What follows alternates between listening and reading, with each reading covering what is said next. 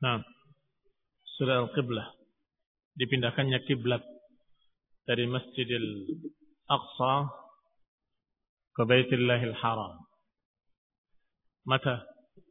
Kapan? Ya Allah. 18 bulan sebelum apa sudah? Hah? Sudah. Datangnya Rasulullah SAW ke Madinah. Berarti 18 bulan setelah hijrah. Berarti tahun berapa hijriyah?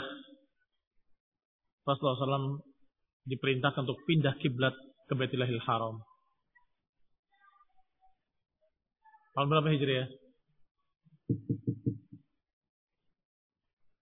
Tinggal dihitung aja. 18 bulan berarti berapa tahun? Tahun setengah. Berarti tahun kedua Hijriyah. Tahun kedua Hijriyah. Ya ini bulan ke-18 setelah hijrahnya Rasulullah SAW ke Madinah. Di bulan apa? Anta? Ayu syahrin? Sya'ban. Di bulan Sya'ban. Tapi perang Badr. Perang Badr Kubra. Pada tahun keberapa? Ah, pada bulan keberapa? Hah? Baik. Pertama, pertanyaan pertama, bulan apa? Ma hada arif? Anta? Rahman.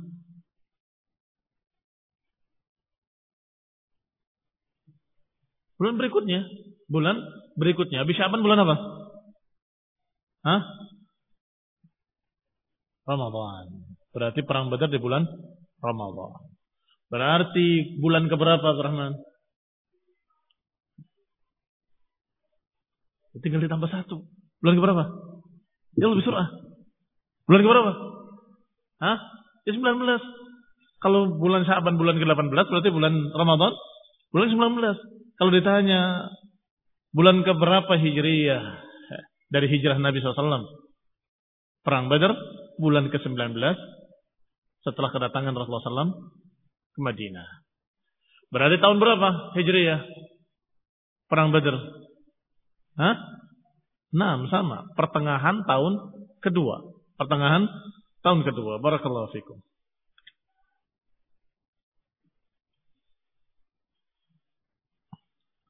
Siapa yang bermimpi? Melihat satu bencana yang menimpa Quraisy tiga hari lagi. Siapa yang bermimpi? Hah? Atika. Man huwa? Man hiya? Man hiya Atika? Man? Siapa dia? Hah? Siapa Atika? Buat Atika penjual warung situ. Siapa? Man? Kalau tidak dikenal, harus dikenalkan dengan orang yang dikenal. Saudaranya Abbas. Abbas dikenal. Abbas bin Abdul Muttalib. Saudaranya Abbas. Barakallahu fiqh. Aina wasalna? Sampai mana kita?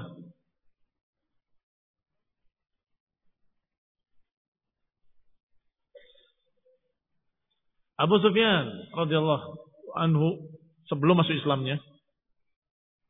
Radhiyallahu anhu apa enggak? Masuk Islam apa enggak? Masuk Islam. Beliau sebelum masuk Islamnya memimpin pasukan dagang Quraisy musyrikin. Kemudian beliau mengutus seseorang untuk melihat keamanan dan untuk melihat siapa yang diutus? Hah? Yang diperintahkan untuk mengajak orang Quraisy membela barang dagangannya dan membela pasukan airnya, pasukan dagangnya. Siapa? Dom-dom ibn Amr. Nah.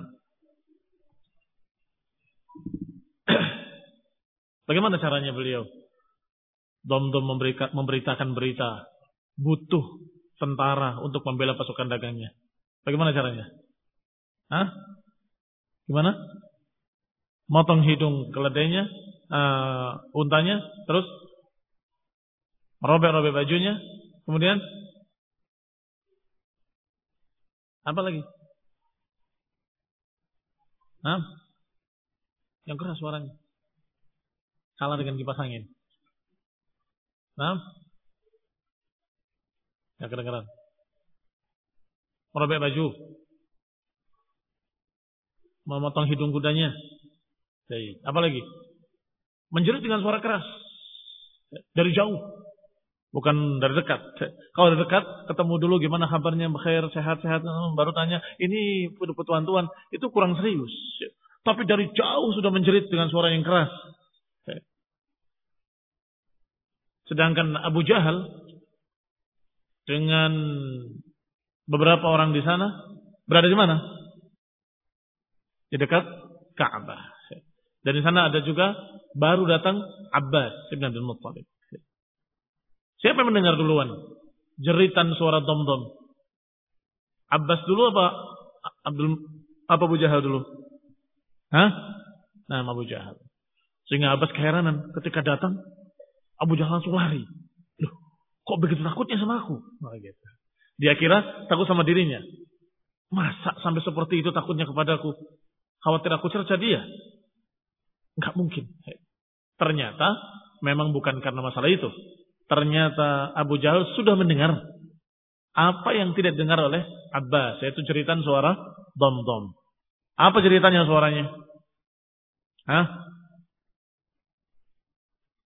Al-Latimah. Apa makna Latimah? Al-Latimah, Al-Latimah, tamparan-tamparan.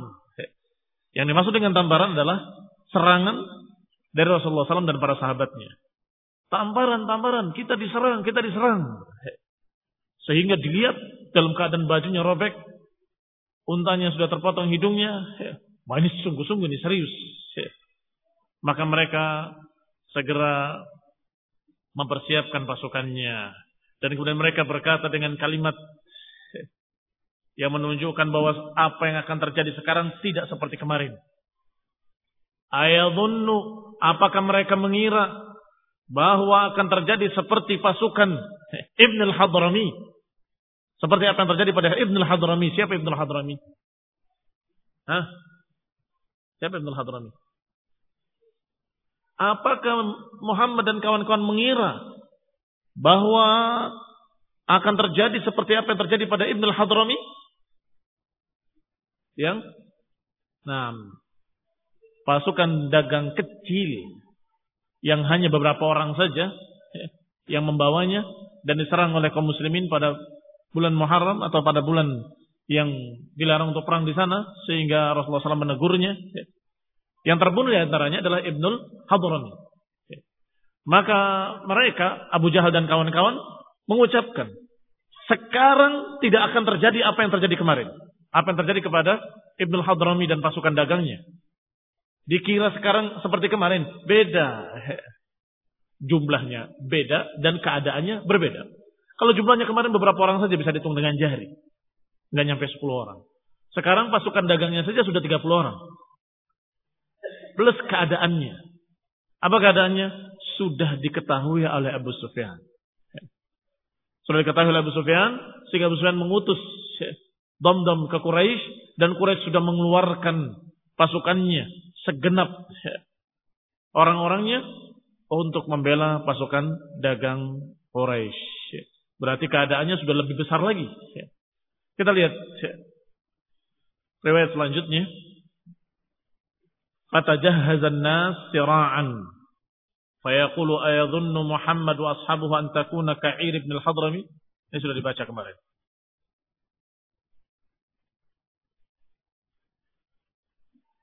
Ana wasalna.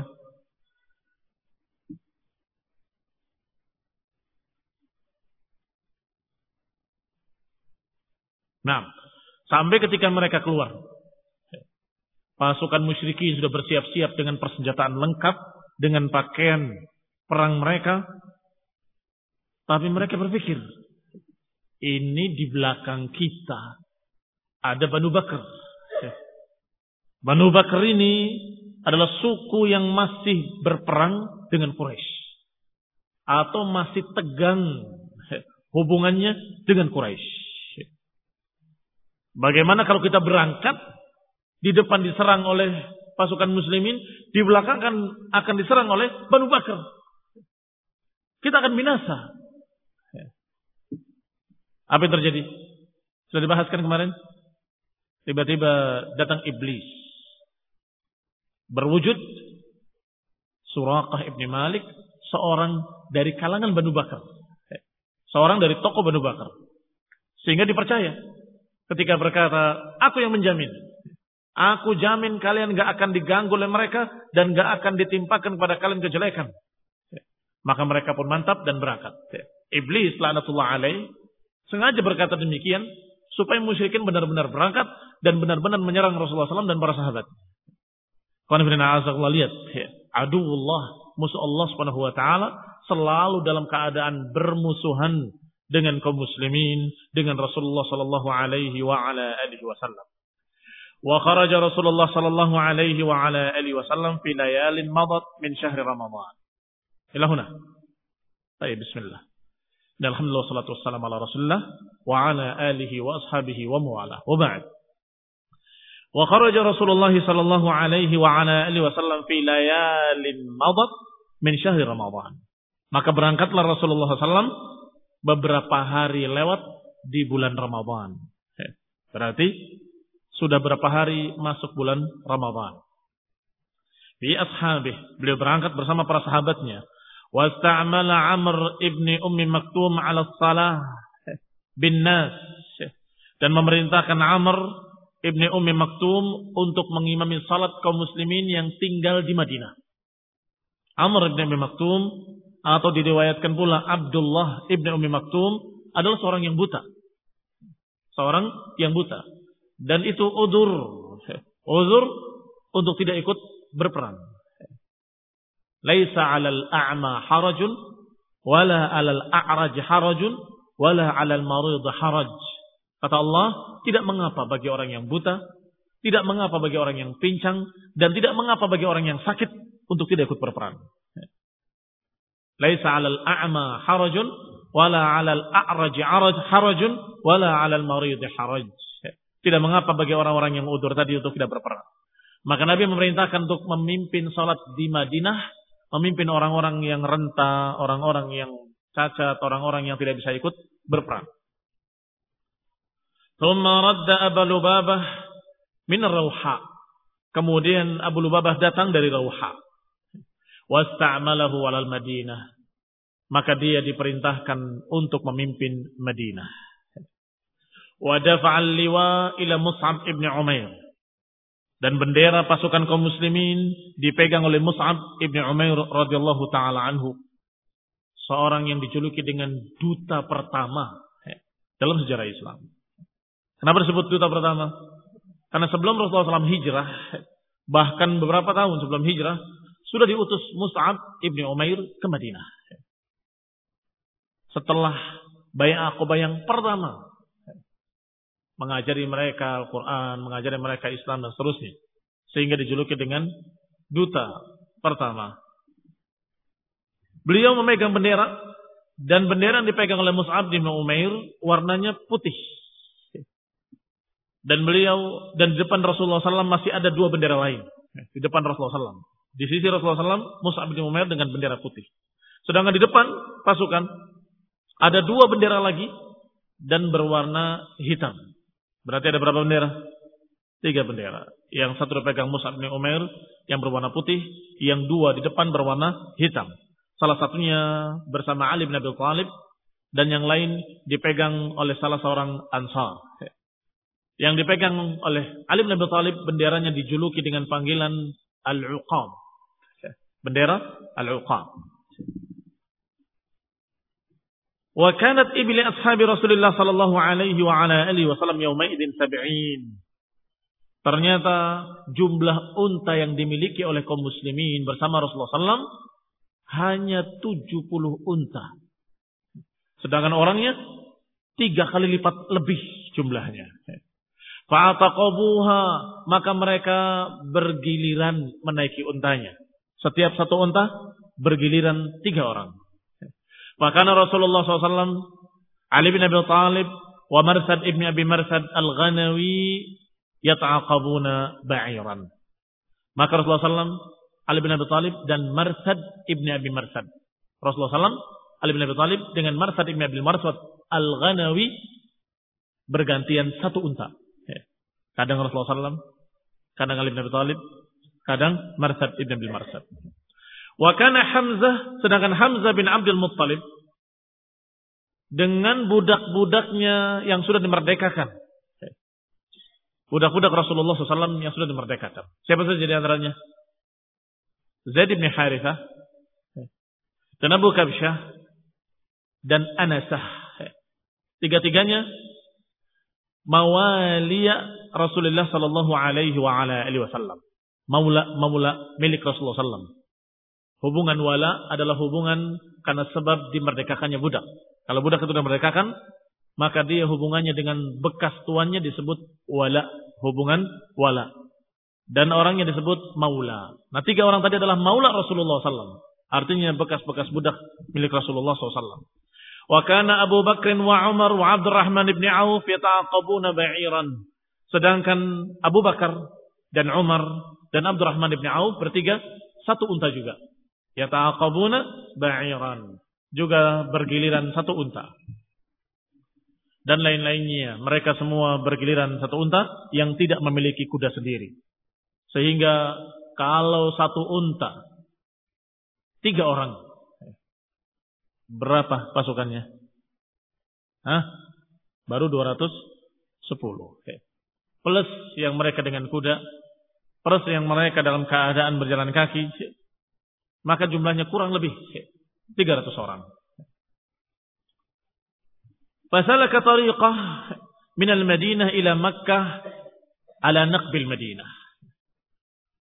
Berjalanlah pasukan Rasulullah SAW dari Madinah ke Mekah dari jalan Naqbil Madinah. Thumma ala al-Aqiq, kemudian melewati Aqiq. Kemudian melewati Dhul Hulaifah. Dhul Hulaifah yang merupakan batas haram. Ya kalau orang mau haji ke Mekah, maka mereka ihramnya di Dhul Hulaifah ini. Setelah melewati Dhul Hulaifah, melewati Ulatul Jaish yang dinamakan juga dengan nama lain Zatul Jaish. Thumma mar marra ala Turban. Atau Turban. Melewati Turban melewati Malal, Thumma Ghamais, kemudian Hamam,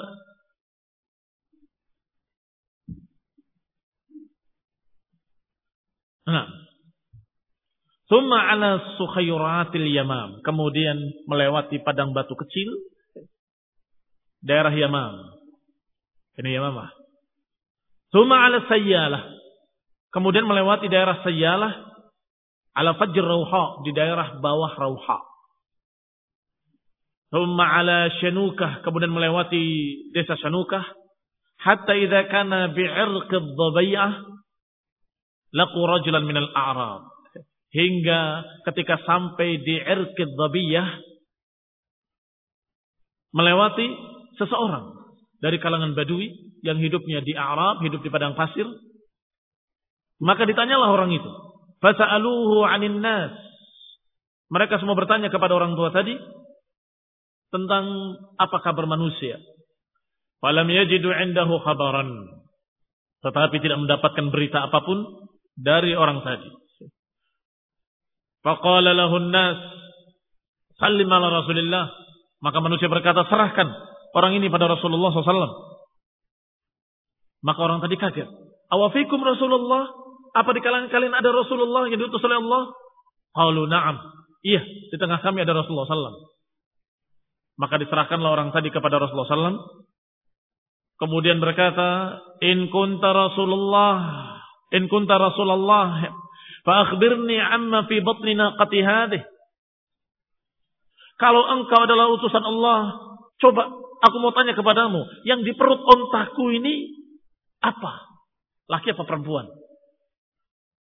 dikira ingin ketemu Rasulullah SAW ingin masuk Islam, ternyata hanya ingin tanya isi untanya apa, untanya sedang hamil. Kalau engkau benar Rasulullah, isi untaku ini apa? Di perutnya laki apa perempuan? Maka berkata seorang sahabat, Salamah ibni Salamah ibni Waqs. La tas'al Rasulullah, amma fi batnina naqah. Jangan tanya Rasulullah dalam masalah itu. Akbil ilayya, fana ukhbiruka an dhalik. Kalau masalah itu, tanya padaku, aku akan jawab. Nazawta alaiha, fa fi batniha minka sakhlah. Engkau menghamili dia kan? Maka dia isinya adalah sakhlah. Diucapkan dengan ucapan yang nyindir, ucapan yang mencerca. Kemudian dikatakan fi batniha sakhlah. Sakhlah itu unta yang jantan yang kecil. Maka Rasulullah SAW, Rasulullah SAW tidak suka dengan bahasa sahabat tadi. Maka Rasulullah menegurnya, mah, cukup.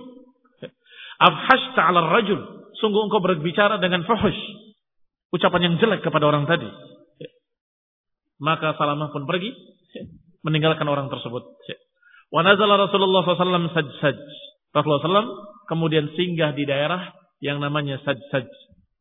Yaitu Bi'rir Rauha dia adalah mata air di daerah Rauha. Tumartahala minha hatta idza kana bil mansaraf taraka tariqa Makkah biasa. Kemudian berangkatlah beliau dari sana sampai ketika daerah Munsaraf beliau meninggalkan jalan Mekah ke arah kiri. Demikianlah ya. seorang pemimpin yang cerdas tidak melewati jalan yang biasa dilewati. Dikhawatirkan akan bisa ditebak oleh musuh. Tadi yang diurutkan tadi semuanya jalan menuju Mekah yang biasa dilewati oleh manusia. Sampai di daerah Munsaraf, taraka tariqa Makkah. Rasulullah SAW meninggalkan jalan yang biasa dijalani oleh manusia menuju Mekah ke arah kiri. Wasalaka yamin. Setelah ke kiri, kemudian beliau belok ke kanan Alan nariyah yuridu badran ke arah Badr. Ke arah Badr. Badr adalah sebuah lembah yang di bawahnya ada mata air, ada sumur. Mereka sebut semua mata air dengan sumur. Sehingga jangan kamu kira kalau disebut sumur berarti sumur seperti yang kalian tahu. Sumur yang bulat begitu, panjang ke bawah. Itu sumur kalian. Di sana tidak begitu. Sehingga ada berita-berita riwayat-riwayat eh, seorang wanita yang melihat anjing kehausan, kemudian turun ke sumur mengambil air, lewat mana? Kalau sumurnya seperti sumur kalian. Eh, bagaimana turunnya? Eh, sulit kan? Tetapi sumur waktu itu semua mata air dikatakan sumur. Bir, rauha, bir, badar dan seterusnya. Sehingga mata air-mata air yang ada di badar tidak satu. Tetapi banyak. Karena di sana adalah sebuah lembah yang biasa air berkumpul di, berkumpul di sana. Fasalaka fi nahiyatin minha hatta jazi'a wadiyan yuqalu lahu ruhqan.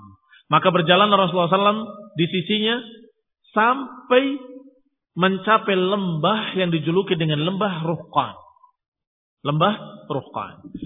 Bainan naziyah wa baina madyaq safra. Lembah Suhqan, uh, Ruhqan ada di antara Naziyah dan Madyak Safra. Thumma alal Madyak. Kemudian setelah itu berjalan menuju Madyak. Thumma sabba minhu. Kemudian turun beliau. Hatta idha kana qariban minas Safra. Hingga ketika sampai ke dekat Safra.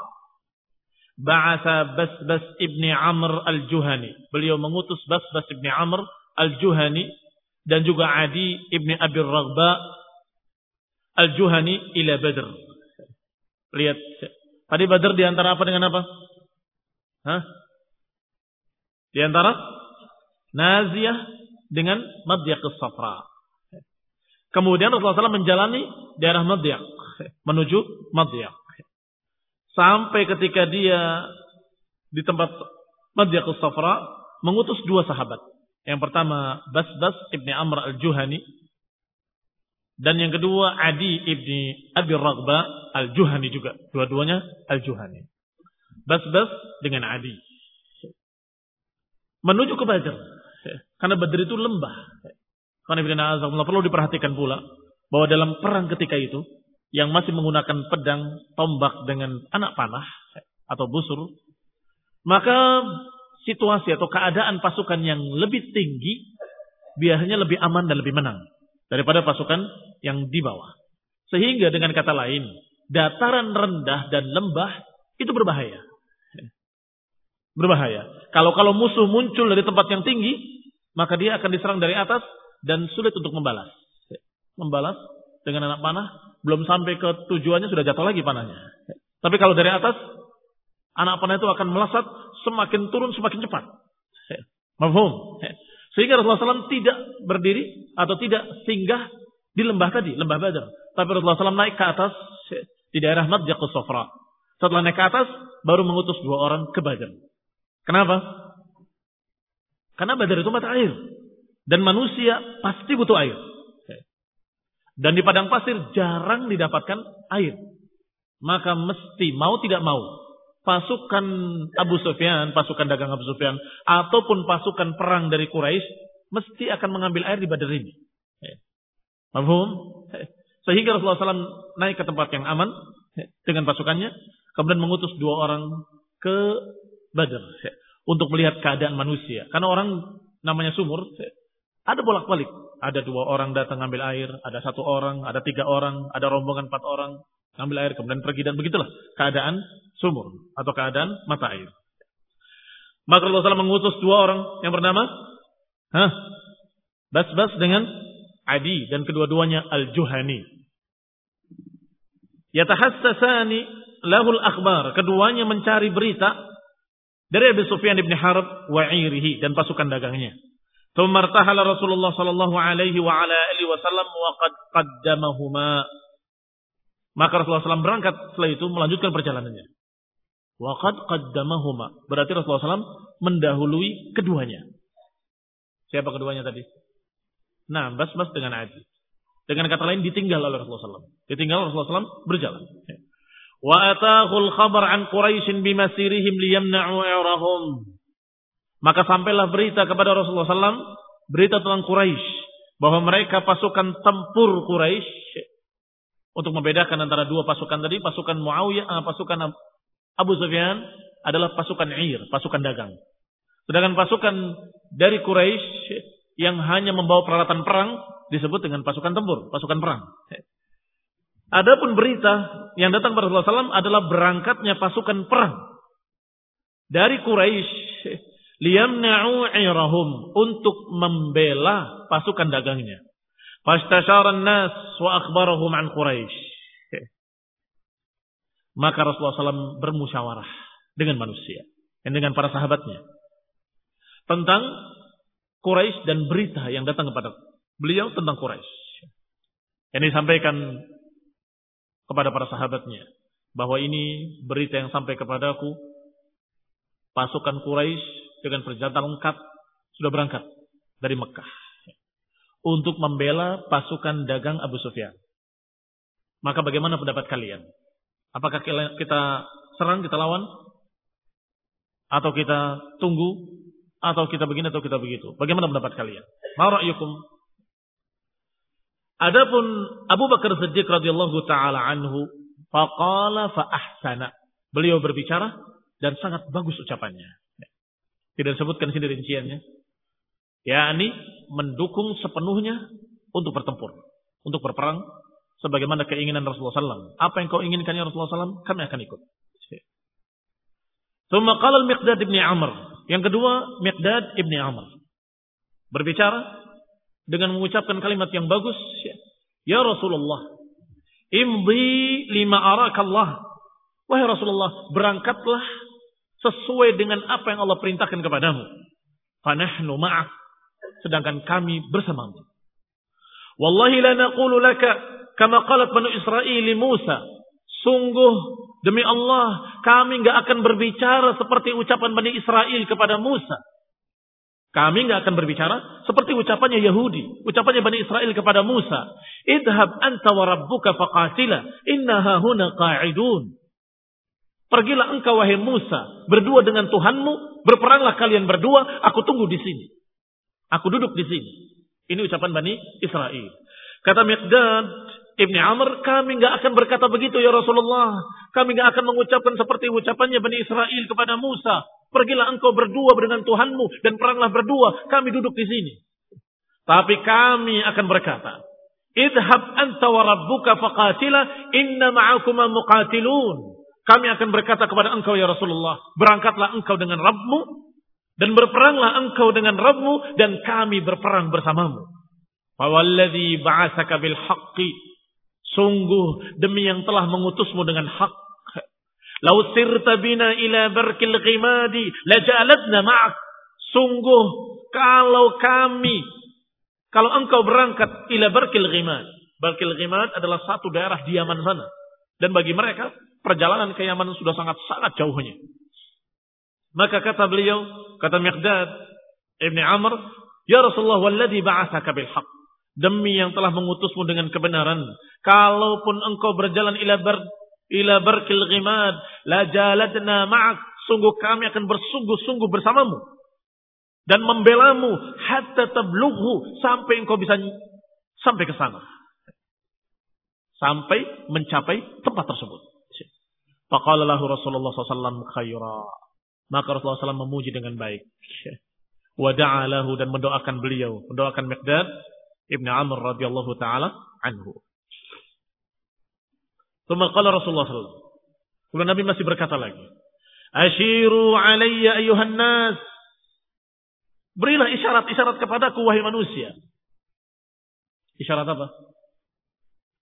Isyarat kalau kalian tuh siap berperang.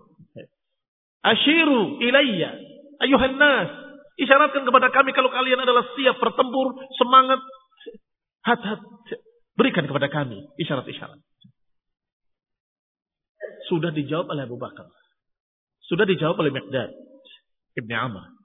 Tapi Rasulullah SAW masih bertanya. Ayuhan nas, wahai manusia. Berikan isyarat kepada kami. Kenapa? Karena Rasulullah SAW berharap. Orang-orang Ansur berbicara. Yang tadi berbicara semuanya muhajirin. Adapun muhajirin, ma'ruf. Sudah sangat jelas keadaannya. Mereka terusir dari kaumnya. Mereka sampai hijrah, meninggalkan negerinya ke Madinah, bahkan meninggalkan hartanya, meninggalkan rumahnya, meninggalkan sanak familinya. Artinya mereka adalah orang-orang yang siap tempur, sudah ma'ruf. Tapi kami ingin orang-orang ansar. Coba, isyaratkan kepada kami isyarat-isyarat. Maka dikatakan di sini oleh Ibn Hisham, rahimahullah, wa innama yuridul ansar. Sesungguhnya Rasulullah SAW hanya saja mengatakan seperti itu, menginginkan orang ansar berbicara. Wadhalika annahum adadun nas. Karena mereka adalah orang yang terbanyak dari manusia. Pasukan tadi yang terbanyak Ansor. Kenapa Ansor tidak bicara? Wa annahum hina baya'uhu bil aqabah. Lagi pula orang-orang Ansor ketika bayat di bayat Aqabah mereka sudah berkata, "Ya Rasulullah, inna bura'a'u min dimamika hatta tasila ila diyarina." Ya Rasulullah, kami bebas berlepas diri dari darahmu selama engkau masih di luar negeri kami. Apa maknanya terbebas? Artinya kami tidak bertanggung jawab terhadap darahmu selama engkau masih di negerimu dan belum ke negeri kami. Hatta tasila ila diyarina hingga engkau wahai Rasulullah singgah atau tinggal di tempat kami maka kalau sudah tinggal di tempat kami, faida wasalta ilaina, kalau engkau sudah sampai kepada kami, fa anta maka saat itu kami yang bertanggung jawab terhadap darahmu. Namna'uka mimma namna' minhu abna'ana wa nisa'ana. Kami akan membela engkau sebagaimana kami membela anak-anak kami dan istri-istri kami. Fakana Rasulullah SAW yatakhawaf. Karena ucapan itu, Rasulullah khawatir. Yatakhawaf. Allah takunul ansar tara alaiha nusratan illa mimman dahamahu bil Madinah min aduwih. Khawatir bahwa Ansar itu akan membela Rasulullah SAW kalau Rasulullah SAW di Madinah saja. Di negeri mereka. Kalau Rasulullah SAW keluar dari negeri mereka, mereka nggak bertanggung jawab lagi. Itu yang dikhawatirkan. Ya, ini Rasulullah SAW bertanya lagi.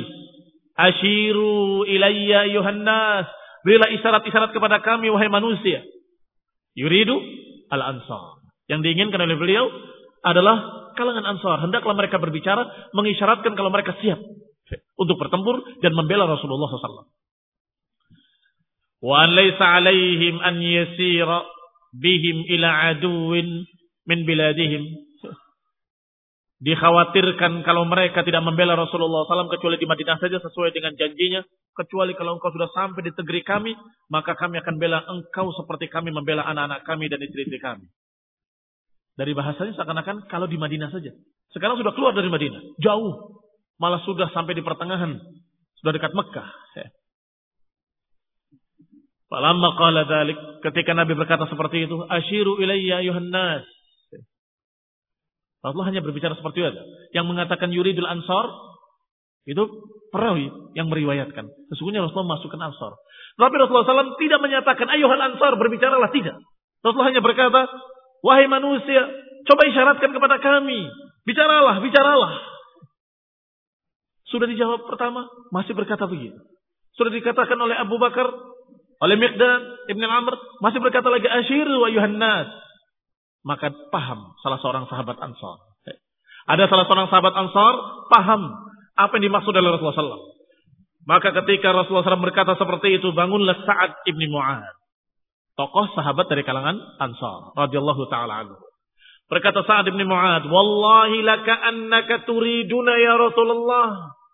Sungguh demi Allah, sepertinya engkau memaksudkan kami ya Rasulullah. Ini kalangan Ansar. Qala ajal. Kata Nabi, ajal. Ajal, ay na'am. Na'am. Kami menginginkan kalian berbicara. Faqala, maka berkatalah Sa'ad bin Mu'ad dengan ucapan yang sangat bagus. Kata Sa'ad bin Mu'ad, faqad amanna bika, wa saddaqnaka, wa syahidna anna ma ji'ta bihi huwal. Ya Rasulullah, kami sudah beriman kepadamu dan kami sudah membenarkan engkau dan kami sudah bersaksi mempersaksikan bahwa yang engkau bawa adalah kebenaran. Wa atainaka ala dzalika uhudana dan kami sudah memberikan kepadamu janji-janji kami. Wa mawathiqana dan kami sudah mengucapkan sumpah-sumpah kami untuk sam'i wa ta'ah, untuk mendengar dan taat kepadamu. Famdi ya Rasulullah. Maka berangkatlah wahai Rasulullah. Lima aradta Berangkatlah Rasulullah sesuai dengan apa yang kau kehendaki. Fanahnu ma'ak. Kami akan tetap bersamamu, membelamu dan berperang bersamamu. Fawalladhi ba'athaka bil. Sungguh demi Allah yang telah mengutus engkau dengan kebenaran. Law ista'radat bina hadzal bahr fakhudtahu lakhudnahu ma takhallafa minna rajulun wahid. Ya Rasulullah, walaupun di hadapan kita adalah lautan yang terbentang dan engkau mengarunginya, maka niscaya kami pun akan mengarunginya bersamamu dan gak akan tinggal seorang pun dari kami ya Rasulullah, gak akan tinggal seorang pun dari kalangan Ansar. Wa manakra an bina dan kami tidak benci untuk kami bertemu musuh besok. Ini walaupun perang besok kami sudah siap. Manakra tidak benci. Inna la subrun fil harb. Kami adalah orang-orang yang suburun fil harb Subur. Dari kata sober, sabar. Tetapi dalam perang maknanya bukan sabar, tetapi maknanya akan tetap dan tidak mundur. Akan kokoh, tidak mundur. La suburun fil harb. Kami adalah orang yang tekadnya kuat dalam perang dan gak akan mundur. Itu makna suburun. Wasudukun endal liqa. Dan kami adalah orang yang konsekuen ketika perang hampir nggak pernah diriwayatkan salah seorang ansor lari dari perang tidak ada. Nggak ada ceritanya. Bahkan di zaman jahiliyah sekalipun. Itu maksud, maksudnya. Maksud dari ucapan tadi bahwa kami adalah orang-orang yang biasa bertempur dan tidak pernah mundur. Dan kami adalah kaum yang konsekuen ketika perang. La'allallah yurik minna matuqirru bihi ainuk. Semoga Allah Subhanahu wa memperlihatkan kepadamu bagaimana perang kami dan bagaimana keadaan kami nanti dalam perang yang akan menenteramkan mata engkau ya Rasulullah. Tuqirru bihi ainuk ini akan menjadikan qurratu ain penenteram hatimu wahai Rasulullah. Mudah-mudahan Allah memperlihatkan nanti ketika perang sesuatu yang akan menenteramkan hatimu ya Rasulullah. Fasir bina ala barakatillah, maka berangkatlah dengan barakah dari Allah Subhanahu wa taala. Fasurra Rasulullah sallallahu alaihi wa ala alihi wasallam wasta'ida. Dan sungguh Rasulullah SAW bahagia dan gembira mendengarkan ucapan dari kalangan Ansar. Wa nasyatahu dzalik dan membuat semangat Rasulullah SAW. Tsumma qala, maka Nabi bersabda, "Siru wa abshiru." Berangkatlah dan gembiralah. Siru, berangkatlah. Abshiru, bergembiralah. Ini khonibina azakumullah. Kalau Rasul yang mengucapkan, berarti ini adalah berita-berita gembira dari Allah Subhanahu wa taala. Karena Rasulullah SAW la yantiqu 'anil hawa in huwa illa wahyun yuha. Rasulullah tidak mengucapkan dari hawa nafsunya melainkan wahyu yang diwahyukan kepadanya. Sehingga ketika Rasulullah menyatakan absyiru bagi orang mukmin ini sudah berita gembira yang meyakinkan. Absyiru, bergembiralah. Artinya ada titik terang akan menang. Ikhwan ibn wa sadaqa Rasulullah. Dan benarlah ucapan Rasulullah SAW dalam perang Badar ini kaum muslimin menang kilang gemilang. Fa inna Allah qad wa'adani ihda ta'ifataini. Kata Nabi wa abshiru, bergembiralah kalian karena Allah Subhanahu wa taala sudah menjanjikan salah satu dari dua golongan. Salah satu dari dua pasukan adalah untuk kalian. Siapa yang dimaksud dua golongan? Dua pasukan. Pasukan Ir, pasukan dagang dengan pasukan tempur, pasukan perangnya Abu Jahal dan kawan-kawan. Allah Subhanahu wa taala sudah menjanjikan dan ini apa yang Allah katakan dalam surat Al-Anfal. Id ya'idukumullahu ihdat ta'ifataini annaha lakum. Dan ketika Allah menjanjikan untuk kalian ihdat ta'ifataini annaha lakum. Allah sudah janjikan untuk kalian. Apa maknanya untuk kalian? Maknanya untuk kalian adalah kalian akan mengalahkan mereka dan kalian memenangkan atas mereka itu mana untuk kalian. Kalau untuk artinya kalian akan mendapatkan dari mereka. Tapi kalau atas kalian, mana kalian akan kalah. Tetapi kalimatnya ihdat ta'ifataini annaha lakum. Id ya'idukumullah dan ingatlah ketika Allah menjanjikan untuk kalian. Salah satu dari dua pasukan tadi adalah untuk kalian. Kalian akan memenangkan salah satunya.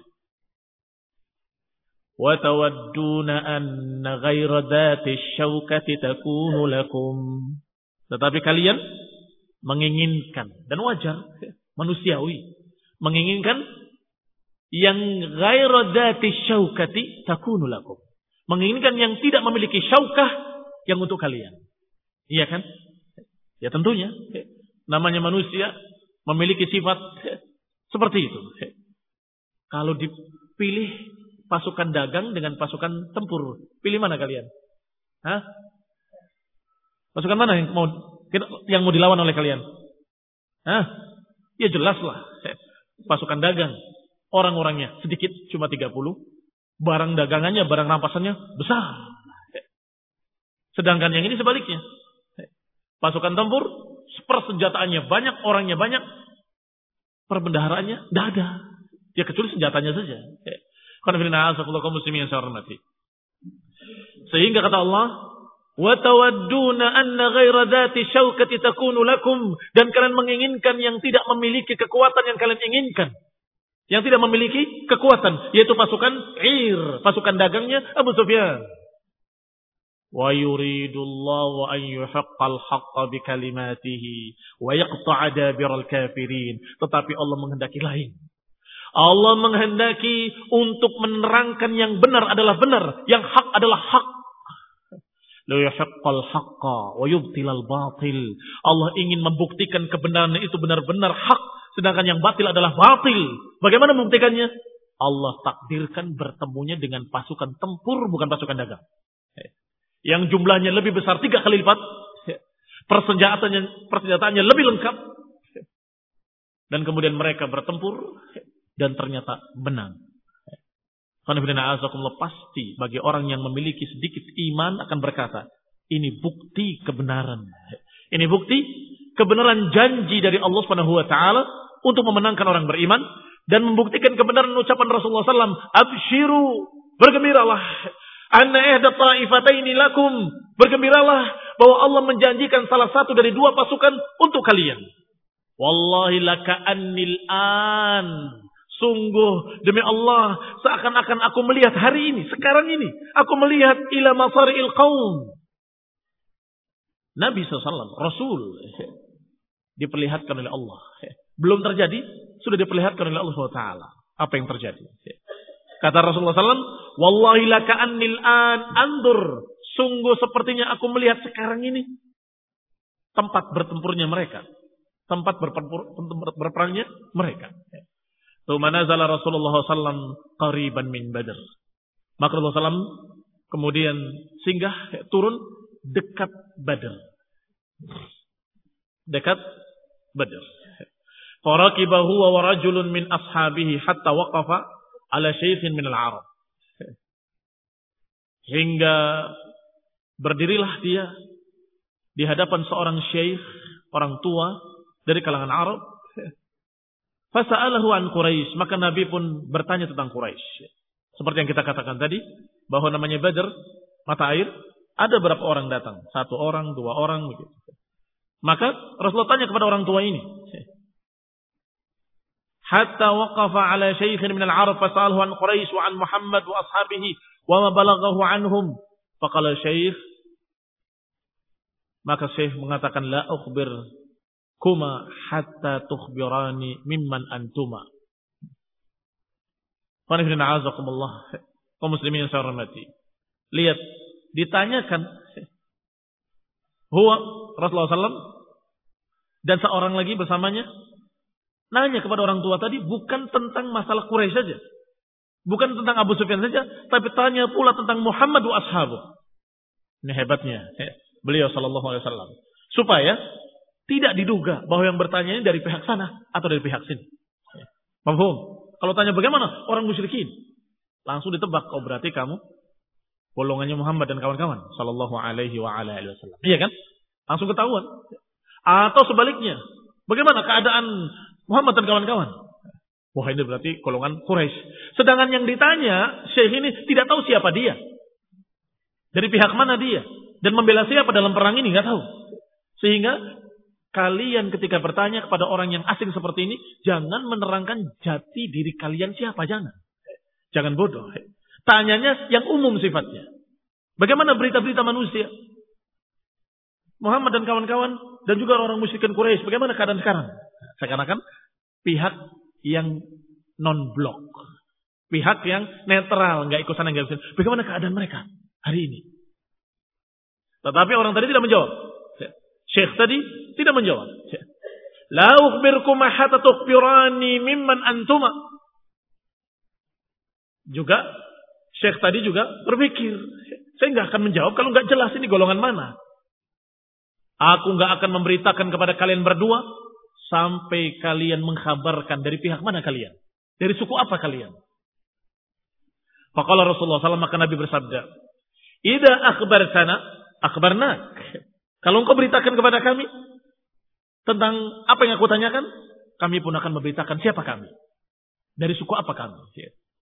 Qala ada kabidak. Apakah itu dengan ini? Iya. Ini apakah barter, tukar informasi? Iya. Qala na'am. Qala syekh. Maka syekh tadi menjawab, orang tua tadi menjawab.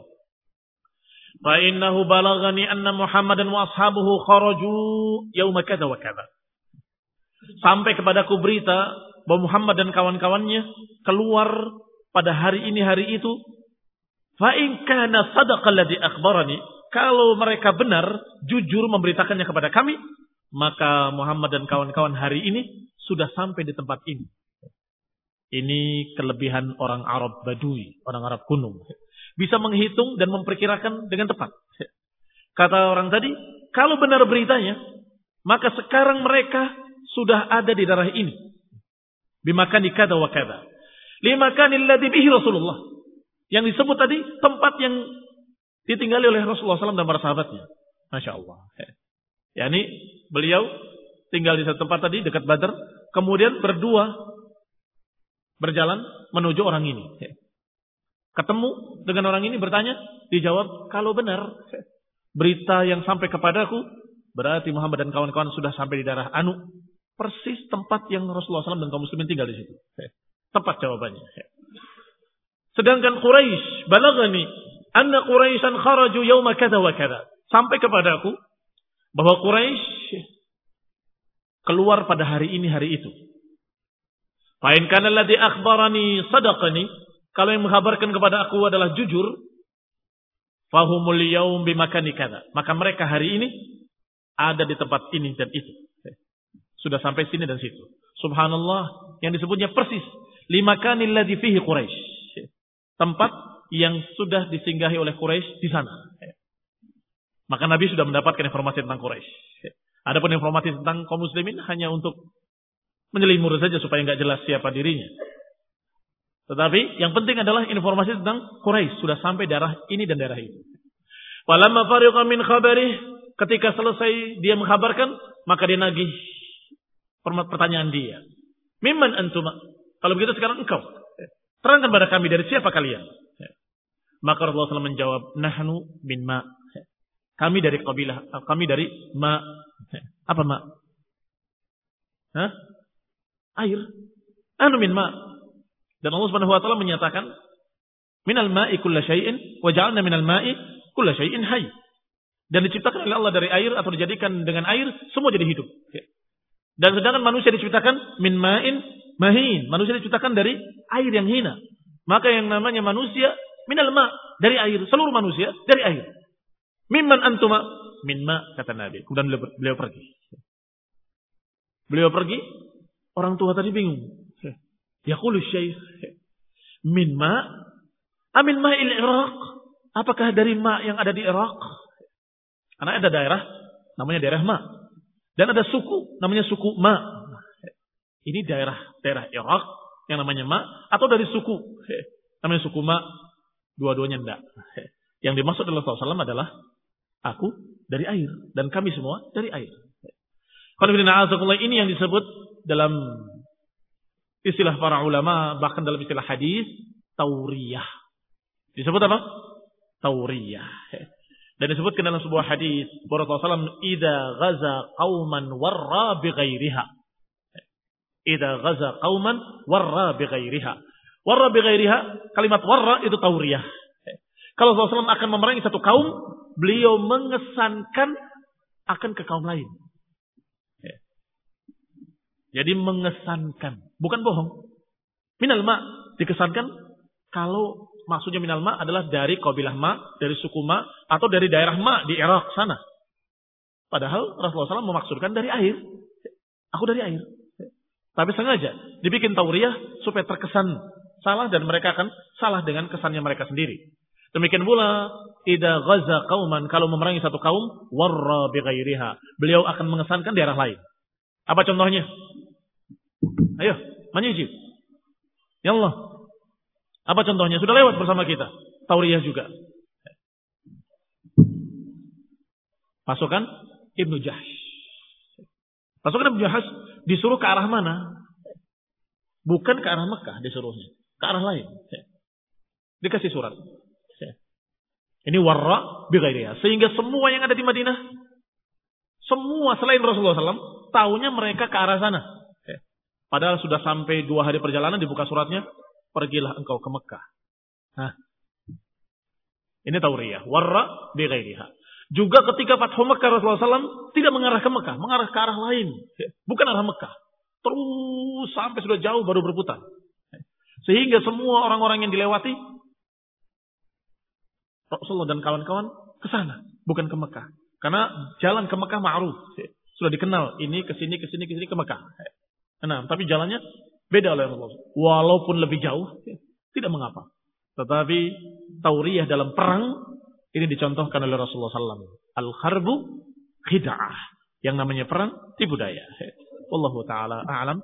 Kita lanjutkan insyaAllah pada kata mendatang. Bismillahi ta'ala. Subhanakallah bihamdik. Asyadu an la ilaha ilan astaghfiruka wa atubu. Wassalamualaikum warahmatullahi wabarakatuh.